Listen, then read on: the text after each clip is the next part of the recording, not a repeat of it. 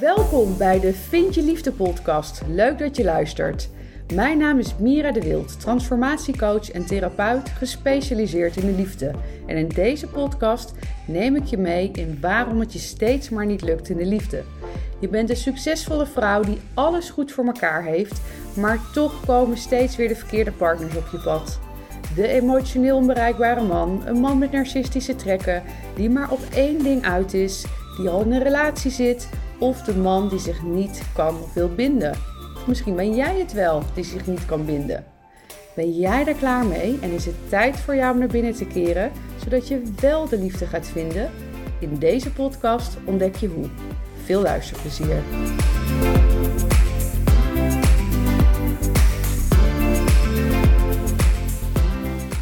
Welkom bij weer een nieuwe podcast. En in deze podcast ga ik je uitleggen hoe jouw imprint van de liefde bepaald is en hoe het hierdoor komt dat je een bepaald type partner aantrekt.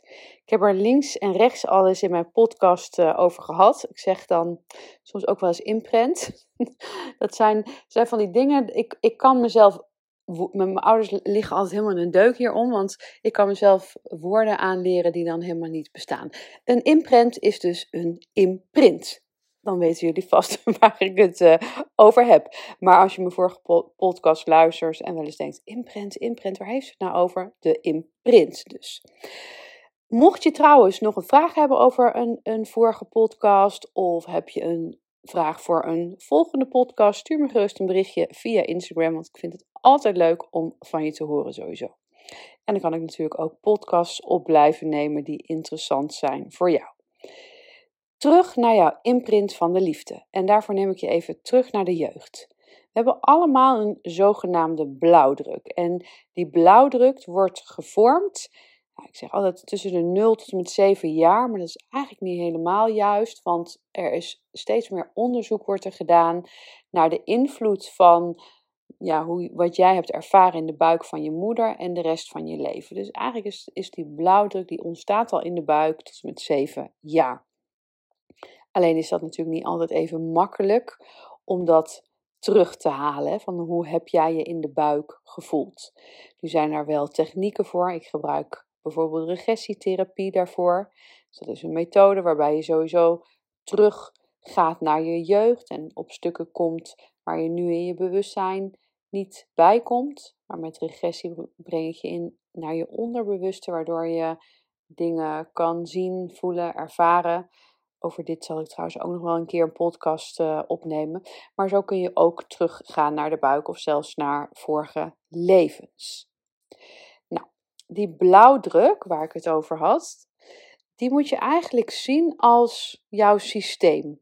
En jouw systeem waar vervolgens allemaal imprints in komen. En dat gebeurt naar aanleiding van dingen die je meemaakt in je leven. Je maakt natuurlijk heel veel leuke dingen mee, hopelijk. Of je hebt heel veel leuke dingen meegemaakt. Dat neem je natuurlijk ook mee in de toekomst. Maar vooral de dingen ja, die je pijn hebben gedaan, die, die drukken als het ware een stempel. Uh, en ik noem dat dus een imprint op jouw systeem, op jouw blauwdruk. En dat neem je vervolgens mee de rest van je leven in. En dat heeft weer effect op je liefdesleven. Als we teruggaan naar die gebeurtenissen, ik spreek vaak over trauma. Bij trauma denk je in eerste instantie vaak aan, aan een hele grote gebeurtenis die uh, gebeurd is. Hè. Daarmee bedoel ik bijvoorbeeld seksueel misbruik of fysieke mishandeling, een auto-ongeluk of een ouder die overleden is. En dat is natuurlijk trauma. Maar er zijn meerdere vormen van trauma. En ik merk steeds meer door, de vrouw met, uh, door de, uh, wat ik zie bij de vrouwen waar ik mee werk, is dat zij echt wel dingen hebben meegemaakt in hun leven. Maar het eigenlijk niet zo zien als trauma. Van, oh, het valt wel mee, dat, dat hoor ik. Hè? Bijvoorbeeld wanneer jij bepaalde emoties, wanneer die er niet mochten zijn. Van, je mocht niet huilen. Of er werd gezegd als je huilde of een emotie had, uh, niet huilen. En als het herhaaldelijk gebeurt, dan wordt er eigenlijk indirect gezegd: je mag niet voelen. En als jij niet mag voelen, dan associeer je dat, vooral als kind, omdat je emotionele brein nog niet ontwikkeld is, als ik mag er niet zijn. Dus dat kan ook zeker een diepe imprint in jouw blauwdruk uh, maken, wat je dan dus weer meeneemt naar de rest van je leven. Maar ook situaties, bijvoorbeeld, ik noem dat dan microtrauma, maar als er steeds kleine dingetjes, en klein is dan echt wel weer tussen aanhalingstekens, want wat is klein als het voor jou heel veel, of als het jou heel veel pijn en verdriet heeft gedaan, dan is het natuurlijk eigenlijk nooit klein. Maar als dat soort dingen vaker gebeuren, dan lijkt misschien één zo'n gebeurtenis aan zich klein. Maar dat als iets vaker gebeurt, dan is het natuurlijk helemaal niet klein meer. En dan heel veel micro, microtrauma's bij elkaar kunnen ook gewoon een trauma veroorzaken. Nou, dus als jij in die leeftijd van 0 tot 7 jaar een bepaalde gebeurtenis hebt, dat blijft zich maar herhalen, of natuurlijk één groot trauma, dan heeft dat een, ja, heeft dat een groot effect op jouw imprint. En nog even een klein voorbeeldje. Bijvoorbeeld, je bent misschien wat voller en je vader zegt wel eens dikkertje tegen je. En nou, als je, als, misschien als je het één keer zegt, vind je niet leuk, maar nou, hè, kan je nog mee dealen. Maar als je dat soort dingen vaker tegen je zegt, of als je een, een koekje wil van, nou, doe jij maar niet. Mijn vader kon dan vroeger zeggen, ah, is niet goed voor jou, hè. En dan bedoelt hij natuurlijk heel lief, want hij wil, nou ja, hij, ja, hij wil klinkt ook zo, hij wil niet dat ik dik word. Maar dat, ja, als ouder zijn wil je natuurlijk ook dat je, ja, ben je ook bang, misschien, waarschijnlijk als je kind dik wordt. Ik, ik, ken die, ik ken dat gevoel niet hoor, maar nu heb ik ook een, een hele ilibili uh, dochter.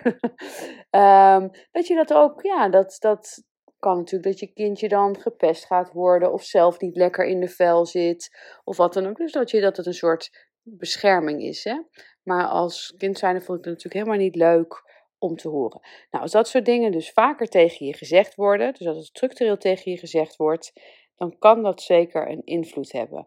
Vooral ook omdat je een bepaalde overtuiging creëert. Hè? Bijvoorbeeld kan zijn, ik ben niet goed genoeg. Het kan zelfs zo gaan, zo diep gaan van, oh mijn vader houdt niet van mij. Nou, dat zet je allemaal vast in jouw imprint. En daar ontstaat dus die overtuiging. Dus al, als de trauma's die we meemaken en, en dus een negatief effect op ons hebben, daarmee bedoel ik dat je er verdriet van hebt, angst, boosheid, pijn, wat dan ook, dan komt daar die overtuiging ook bovenop. Veel van jullie hebben, veel van jullie herkennen waarschijnlijk ook de overtuiging: ik ben niet goed genoeg. Nou, wat wil een overtuiging altijd, die wil altijd gelijk krijgen. Dus zo ga je afspeuren naar gebeurtenissen, zodat die overtuiging kan zeggen: zie nou wel. En zo krijgt een overtuiging dus altijd gelijk. En wordt het dus een waarheid voor jou. Dus het is niet per se de waarheid. Maar ja, als je er af, af aan het speuren bent, dan wordt het wel waar. hè? Dus het voorbeeld ook van, je krijgt tien complimenten op één dag. En je krijgt één opmerking over iets, nou ja, wat jij dan als negatief opvat. En dan maken die tien complimenten maken helemaal niet meer uit, want dan is het nou wel. En dan komt datgene van, die, van dat negatieve wat tegen je gezegd is naar boven. En dat bedoel ik met je speurt het af en dan is het nou wel. Terwijl je, je zegt dan niet zie nou wel over die tien complimenten waar je er dus veel meer van, van hebt gekregen. En dan kom ik vaak vaak de klanten die dan zeggen tegen mij: Ja, maar Mira, het is, het is echt waar. En dan noemen ze allemaal bewijzen van nou, de afgelopen jaren waarbij er, er, dus dingen gebeurd zijn in hun leven die voor hun bewijzen dat die overtuiging ook echt waar is. En die was misschien wel waar, ook omdat jij tussen aanhalingstekens gezocht hebt naar situaties waarbij die overtuiging gelijk kon krijgen. En dat doe je natuurlijk allemaal onbewust, hè? dat is een onderbewuste laag. Maar dat wil niet zeggen dat het waar is. En vooral wil het niet zeggen dat het waar gaat zijn. En daar bedoel ik eigenlijk mee dat, ja, misschien als je nu naar het verleden kijkt, dan denk je, ja, het was zo. En dan kun je allerlei voorbeelden noemen en situaties waarin jij daarvan de bevestiging krijgt. Maar het wil niet zeggen dat het vanaf nu ook zo gaat. Want een overtuiging kun je ook ombuigen. Alleen die overtuiging die zit daar natuurlijk niet zomaar. Daar zit dus iets onder. En dat is heling, hè? dat is traumaheling bijvoorbeeld, of verwerking. Dat doe je bijvoorbeeld door innerlijk kindwerk of hypno- en regressietherapie of systeemtherapie. Nou, dat zijn nou toevallig allemaal therapieën waar ik zelf mee werk met mijn klanten. En dat in combinatie met het doorbreken van die overtuiging, dus mindset vind ik ook altijd ontzettend belangrijk, dan gaat je toekomst er heel anders uitzien. En dan heb ik het natuurlijk over jouw liefdesleven, zodat je wel die droomman aan gaat trekken waar je heel gelukkig van wordt, die jou helemaal respecteert, waar je niet in de, in de, de liefdesdrama hoeft te zitten, de stress hoeft te hebben, maar je gewoon ja, in rust. Rust klinkt een beetje zo, maar ik denk dat heel veel van jullie bij rust echt denken: ah, hoe fijn zou dat eigenlijk zijn om, weer, om gewoon weer echt de rust te voelen. Nou, weer even terug naar die blauwdruk, hè? Die, die blauwdruk en de imprint. En dan met name de imprint van liefde. Je hoort me vaker zeggen, dat zul je zeker nog vaker horen, maar wat is jouw imprint van de liefde?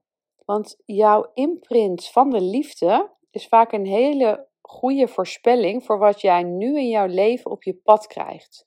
En het is natuurlijk nooit zwart of wit. En er zijn altijd uitzonderingen, dat snap ik. Maar ja, jij luistert deze podcast, dus jij zal je daar waarschijnlijk in herkennen. Dus wat is jouw imprint van de liefde? En daarmee bedoel ik, wat heb jij bijvoorbeeld van je ouders meegekregen over liefde? En dan is het natuurlijk meegekregen in de zin van, wat heb jij, wat hebben ze jou geleerd over liefde?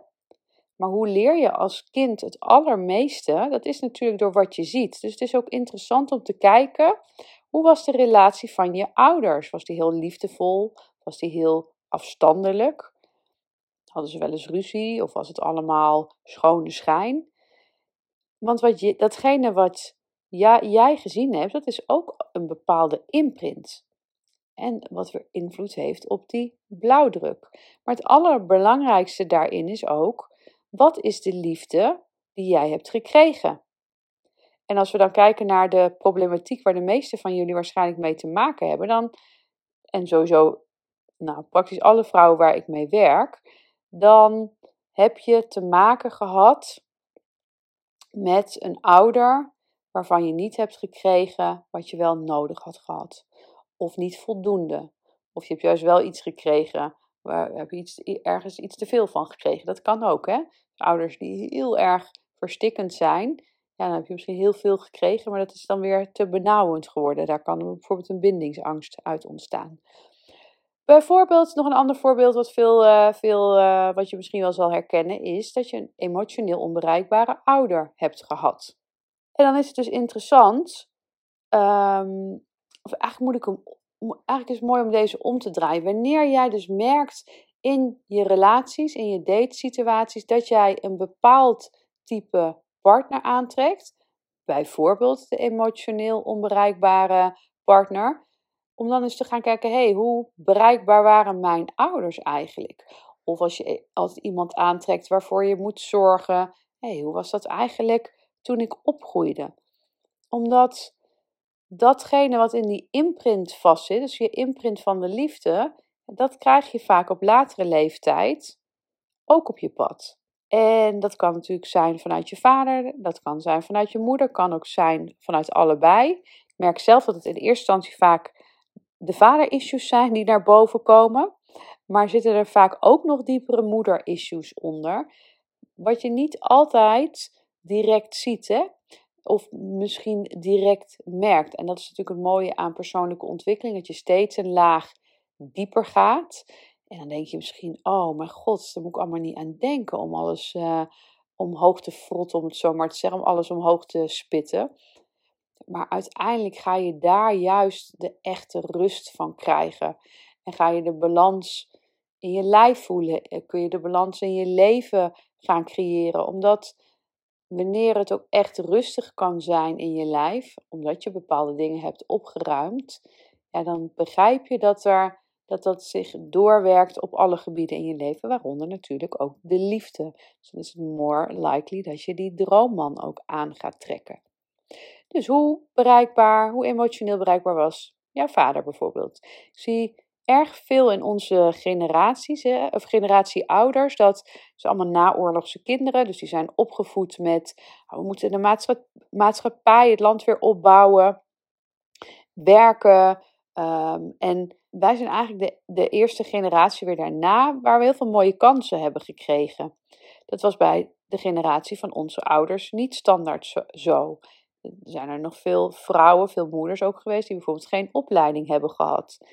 En nu is het over het algemeen dat ja, de meeste mensen wel heel veel mooie kansen krijgen. Wij kunnen studeren, kunnen naar het buitenland als we, als we willen, we kunnen de mooiste carrières opbouwen. En dat is natuurlijk ook wat de meeste van jullie hebben gedaan. Hard werken, presteren. En als je dat dan weer eventjes terugpakt naar die imprint, en je hebt die bijvoorbeeld emotioneel onbereikbare vader, dan kan het bijvoorbeeld zijn dat je juist als overlevingsstrategie heel hard bent gaan werken, goed aan bent gaan presteren, zodat je wel de aandacht en de liefde van je vader zou krijgen. Maar wat leer je dan in je imprint? Dat is dat je hard moet werken om liefde te krijgen. Dus je moet je best doen om liefde en aandacht te krijgen. En wat doe je dan vervolgens nu in je relaties? Dat is hard werken. Dat is vechten. Dat is bijvoorbeeld heel hard achter iemand anders aanrennen. Of rennen, dat klinkt ook een beetje, maar dat kan bijvoorbeeld wanneer je herkent in verlatingsangst. Ik heb ook al eerder een podcast over opgenomen. Dat op het moment dat je de controle verliest, dus dat je niet zeker weet of de andere je wel leuk vindt, dat je dan niet eigenlijk achterover kan leunen en je vrouwelijke energie kan zitten, maar heel, ja, echt in die vechtstand gaat. En misschien nog niet eens dat de ander dat op dat moment merkt, maar ja, je, kan eigenlijk niet meer ontspannen, want de gedachte op, op de vraag of hij je nog wel leuk vindt, die, die, beheerst je dan, uh, die beheerst je dan heel erg. En je snapt dat hoe anders het is dat wanneer jij volledig verbinding hebt met jezelf. En verbinding kun je natuurlijk pas. Nou, dat is mijn hond die even nieste.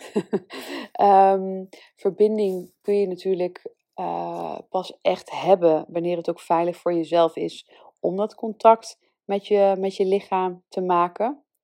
Dat je een hele andere relatie krijgt met een ander. En daarin moet ook niet, daar gaat ook nog eigenlijk een stapje aan vooraf. Het gaat nou niet eens om die relatie krijgen, maar dan, dan, ga je, dan ga je partners aantrekken waar je dus wel die veilige, die gelijkwaardige, die volwassen, liefdevolle relatie mee, uh, mee om kan eh, mee op kan buigen. Maar als je dus in die vechtmodus zit, meer in die overleefmodus, of dat je uit je cirkel stapt, mocht je die nog niet geluisterd hebben, uh, aflevering 8 uit mijn hoofd over, over codependentie. Dat je heel erg uit je cirkel stapt, dus je behoeftes en je gevoelens achter je laat liggen, omdat je zo graag die liefde van die ander wil ontvangen. Mocht je die podcast nog niet geluisterd hebben, is het wel goed om, ik denk wel heel inzichtelijk, ook omdat ik het vaker over die cirkel uh, zal hebben. En als jij dus die emotioneel onbereikbare ouder hebt gehad, ja, dan, dan is het zomaar mogelijk dat je waarschijnlijk een tekort aan liefde en aandacht hebt gehad. Hè? Dan heb je dus ook een bepaalde leegte. Dus misschien een bepaald ja, gat bij je hartstreek. Dat klinkt dan ook zomaar een bepaalde leegte, een, een hoe noem je dat, een unheimisch uh, gevoel of een onbestemd gevoel, onrustig. En dus die leegte. En dan ben je dus heel vatbaar, vatbaar, uh, is vatbaar het juiste woord? Nou ja, vatbaar voor de liefde van een ander.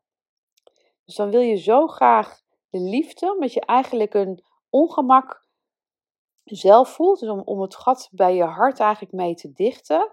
Dus dan heb je de ander nodig om jou gelukkig te maken. Ja, en dan ben je een, nou ja, prooi klinkt ook niet al te aardig.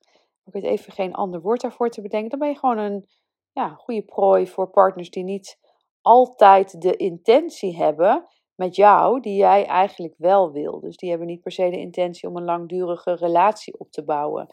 En dan, ja, dan kom je dus ook vaak in dat liefdesdrama terecht. En vooral, vooral wanneer je de zelfliefde nog niet voldoende hebt. Want op zich is er, ja, als je zo'n type man tegenkomt, ja, dat hoeft op zich niet erg te zijn. Want uh, wanneer jij zelfliefde hebt en iemand gaat over jouw grenzen heen, of die doet niet wat jij wel belangrijk vindt in een relatie, ja, dan is het natuurlijk heel jammer dat het niet lukt. Maar dan is het, nou ja, sorry, uh, dit matcht, matcht niet. Dan voel je je dan, ben je dan misschien een dag chagrijnig over. En dan is het klaar. Maar de liefdesdrama zit hem natuurlijk vooral dat je doorgaat met dit soort situaties, omdat je maar hoopt dat het beter gaat worden. En dat kan zo weken, maanden, soms wel jaren duren. En in, in die tijd zit er ontzettend veel liefdesdrama, omdat je steeds maar weer van die, in dat dal geduwd wordt eigenlijk. Hè? Dat er steeds maar weer situaties zich voordoen, waardoor je weer in, die, in dat dal komt. Um, en dan om het eventjes weer terug te pakken. Oh, er is zoveel te vertellen over dit, uh, dit onderwerp. Nou goed, nu, uh, nu met die podcast heb je uren aan, uh, aan training eigenlijk. Maar eventjes terug aan die, naar die imprint van de liefde. Wanneer je dus een emotioneel onbereikbare ouder hebt gehad, en dit is even een voorbeeld, hè, want jij kan iets anders hebben ervaren, ook, ook vanuit je ouders of in, vanuit die blauwdruk wat je hebt meegemaakt. Maar datgene wat jij gewend bent vanuit je jeugd, dus vanuit die 0 tot 7 jaar, hè, dan dat is wat jij associeert met liefde. Dus die vader of die moeder, is die er emotioneel niet geweest. Maar ja, dan weet jij als kind, je weet niet beter. Je hebt, wat je krijgt van je ouders, dat associeer je met liefde. Ook als dat, nu achteraf als volwassen zijn, hè, dat je terugkijkt, dat je denkt, mm, eigenlijk uh, had ik, uh, was mijn vader daar niet zoveel. Of, of mijn moeder was er wel altijd, maar die was eigenlijk niet bereikbaar. Nee, jou, dat, is, dat is wat jij hebt meegekregen. En dat is dus je imprint.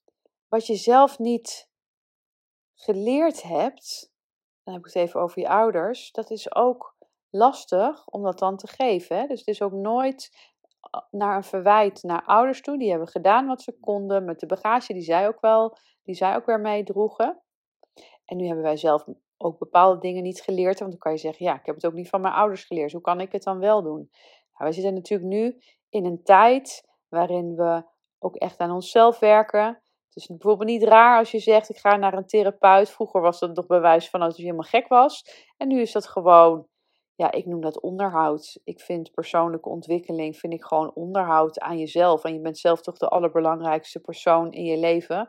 Dus beter doe je aan dat aan dat onderhoud voor je, voor je algemene, algemene well-being.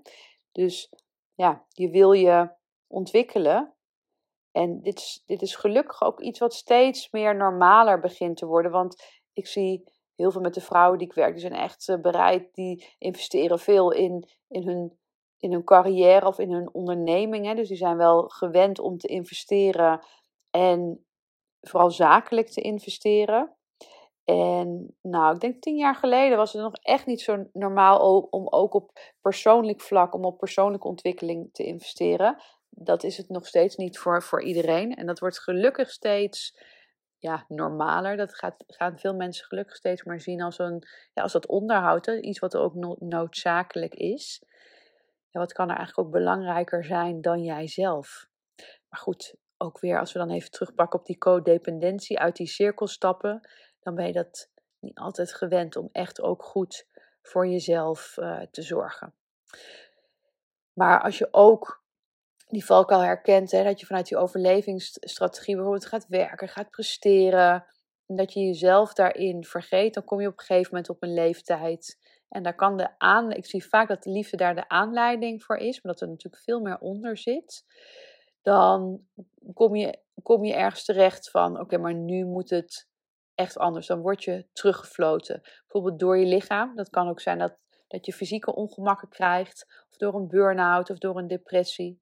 En dat is dan echt een moment van ja, nu is het tijd voor mezelf. Maar ik hoop dat, want dat is eigenlijk als je het zo ver laat komen, dan ben je eigenlijk al ja, te laat. Je bent nooit te laat. Maar dan, ja, dan, is, dan, dan is het echt pittig. Hè? Net zoals met een burn-out of een depressie. Dan zit je eigenlijk zo diep dat het wel heel mooi zou zijn als mensen ja, daar eerder, eerder mee. Uh, ja, de signalen van hun lichaam ook. Want je, je lichaam geeft echt al wel eerder ook, uh, ook signalen aan. Dat je weet, oké, nu is het tijd voor mezelf. Nu mag ik, nu mag ik uh, aan mezelf gaan werken. Nog heel even terugkomend op die ouder. En dan de manier van liefde en aandacht geven, dus datgene wat jij hebt gezien en hebt ervaren en hebt mogen ontvangen, dat is jouw imprint van de liefde. Wat gebeurt er vervolgens op latere leeftijd? Wanneer jij iemand treft die bijvoorbeeld ook emotioneel onbereikbaar is, dan wordt jouw imprint, zeg ik nou net weer imprint? Nee hè? Oh wat erg. Nou, imprint van de liefde wordt aangeraakt. En dan zeg ik ook altijd, als je dan echt in één keer die, bij die eerste date de fireworks voelt van woe, dat je echt aan de, aan de top van die berg staat. Vooral wanneer je nog niet aan deze stukken hebt, stuk hebt gewerkt. En dat kan een beetje tricky zijn als ik dit zo, uh, zo zeg. Maar ja, ik zeg dan, uh, als, als, je, als je dat meteen voelt, dan kan dat wel eens een hele grote rode vlag zijn. En dat het juist de reden is om hard weg te rennen, omdat jouw imprint van de liefde wordt aangeraakt. Maar als die imprint van de liefde die emotie raakt van datgene wat jij vroeger gewend bent, maar wat je nu natuurlijk niet meer wil, bijvoorbeeld een emotioneel onbereikbare partner, dan is dat dus keihard wegrennen. Dan is dat natuurlijk juist wat je niet wil. En dat is hartstikke frustrerend en moeilijk, want ja, je wil wel lekker die kriebels voelen in je buik en je vindt het helemaal geweldig en fantastisch. Natuurlijk wil je dan niet, niet uh, wegrennen. En dat moet je natuurlijk ook zeker niet meteen, meteen uh, uh, meteen te letterlijk oppakken en dan nu zeggen, oh Mira zegt meteen wegrennen. Maar het is wel mooi om daar bewust van te zijn, om te kijken, hé, hey, wat gebeurt er nu eigenlijk? En wordt er nu iets aangeraakt wat ik dus associeer met de liefde vanuit die imprint, wat niet datgene is wat jij, uh, wat jij eigenlijk wil. Nou, je kan van je ouders niet meer terugkrijgen wat je wel nodig had gehad, zelfs niet als je het nu zouden geven, want dan zul je merken dat het ook nog verdomde lastig is om het te kunnen ontvangen. Maar je kan wel stukken helen, je kan verwerken. En uh, daarvoor bijvoorbeeld uh, innerlijk kindwerk is een hartstikke mooie techniek om, daar, om daarvoor in te zetten.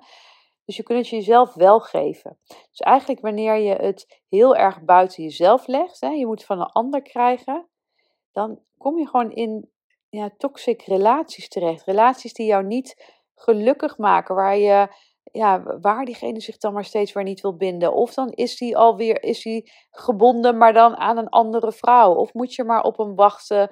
Uh, wil hij de strik er niet omheen doen? Of is het allemaal leuk, maar hij uh, neemt je niet mee naar de familie?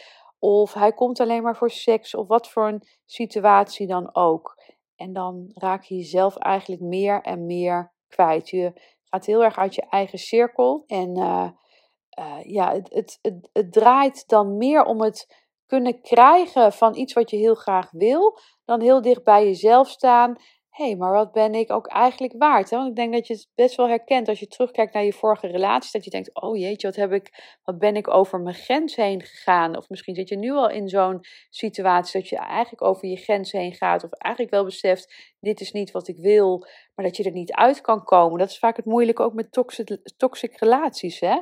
Dat je het heus wel weet, maar dat het je gewoon niet lijkt te lukken. En dat is zo zonde, want dat kost je zo ontzettend veel tijd en frustratie en levert je heel veel verdriet en pijn op. En nog belangrijker, ja, hoe langer je eigenlijk wacht om met jezelf te gaan, uh, aan de slag te gaan, hè, om te werken aan jezelf, hoe langer het ook duurt voor die droomprins op je pad komt die droomvrouw. Hè? Even een disclaimer waar ik altijd hij zeg, kan het natuurlijk net zo goed een, uh, een vrouw zijn. Ik geloof erin dat je die verbinding met een ander pas kan hebben als je de verbinding ook met jezelf hebt. En dan kun je nu misschien single zijn, dan ben je die super zelfstandige vrouw die het super goed voor elkaar heeft en die prima alleen kan zijn, maar dat wanneer je in een relatie bent, dat er eigenlijk van die vrouw niet zoveel meer overblijft. En dan val je als het ware uit die cirkel. Dan laat je je behoeftes en je gevoelens weer achter je. En dan ben je niet de vrouw die je ook bent als je single bent. En dat is voor mij altijd zo belangrijk dat je, dat is waar we echt, uh, waar ik altijd aan werk, in het, uh, in het Deeper Love traject bijvoorbeeld ook, dat je die persoon in een relatie ook bent, die je ook bent wanneer je single bent. En natuurlijk beweeg je in een relatie een beetje mee maar het is niet de bedoeling dat je jezelf gaat verlaten. Want op wie wordt de ander dan ook verliefd? Hè? Dan is het ook niet de echte jij. Want wanneer jij je anders voordoet. En ook dat kan heel onbewust gaan. Hè? Of dat je, je behoeftes en je gevoelens ja, op de tweede plek zet. Dus in ieder geval veel meer bezig bent met die van de ander dan die van jezelf. Dan verlaat je dus jezelf. En dat, houdt je ook, dat hou je ook maar een bepaalde tijd vol. Sommige mensen kunnen dat overigens best wel lang volhouden hoor. Die kunnen dat jaren volhouden. Misschien herken je dat ook wel. Maar op een gegeven moment trek je dat niet meer. En dan, en dan kom je vaak ook op een punt dat je denkt: wie ben ik eigenlijk? Hoe kan je in die cirkel staan als je niet goed weet wie je bent? Het zijn allemaal belangrijke processen om doorheen te gaan. Dat is natuurlijk heel erg lastig om dat alleen te doen. En is dat heel erg mooi om daarin begeleid te worden. En daar nodig ik je natuurlijk van harte uit, voor uit. En daar kun je altijd een, gesprek met mij uh, voor aanvragen. En dan stel ik jou ook vragen om te kijken of het natuurlijk een goede match is. En als het passend is, dan, uh, dan gaan we een gesprek aan met elkaar waarin ik je de stappen kan delen die nodig zijn om te zetten, om weer in die cirkel te gaan staan, om erachter te komen wie je bent. Het, en natuurlijk met het doel om te gaan werken nadat jij vanuit de verbinding met jezelf, vanuit volledige zelfliefde, jouw droompartner aan gaat trekken. En dan merk ik toch ook wel vaak dat vrouwen zeggen: Ja, maar ik hou wel van mezelf. Maar het is vaak zo vanuit het hoofd.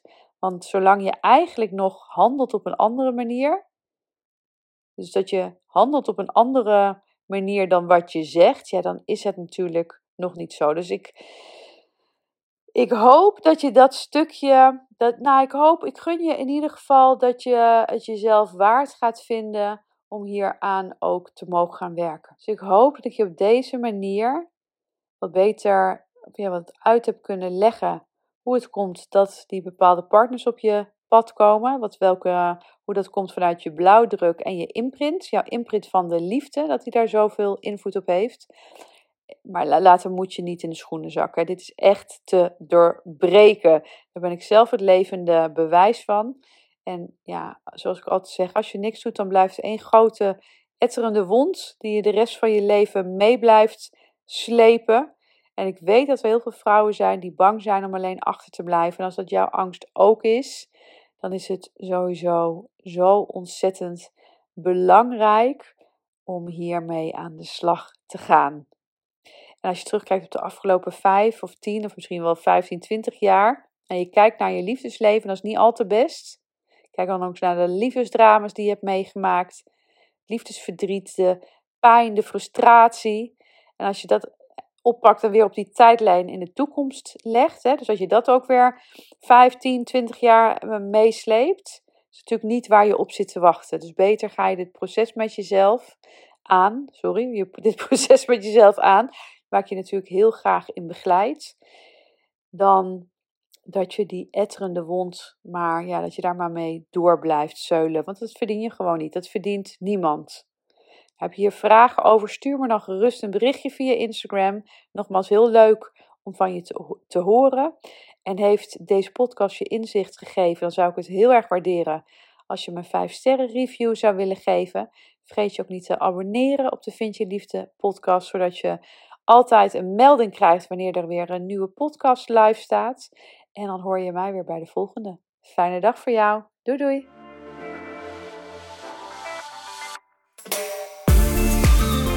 Hey, hier ben ik nog even. Herken jij je ook in de vrouwen die ik persoonlijk begeleid in hun transformatieproces? Dan heb jij het vast ook supergoed voor elkaar in je leven, maar wil het in de liefde maar niet lukken. Je bent zo langzamerhand wel klaar met de liefdesdrama's en de verkeerde partners die je aan lijkt te blijven trekken. Ik snap dit helemaal. Spreek het je aan om de liefde, warmte en genegenheid niet langer te zoeken buiten jezelf, maar in jezelf? En wil je succesvol zijn op alle gebieden in je leven, dus ook in de liefde? Wil je dat ik met je meedenk over de stappen die je hiervoor mag gaan zetten?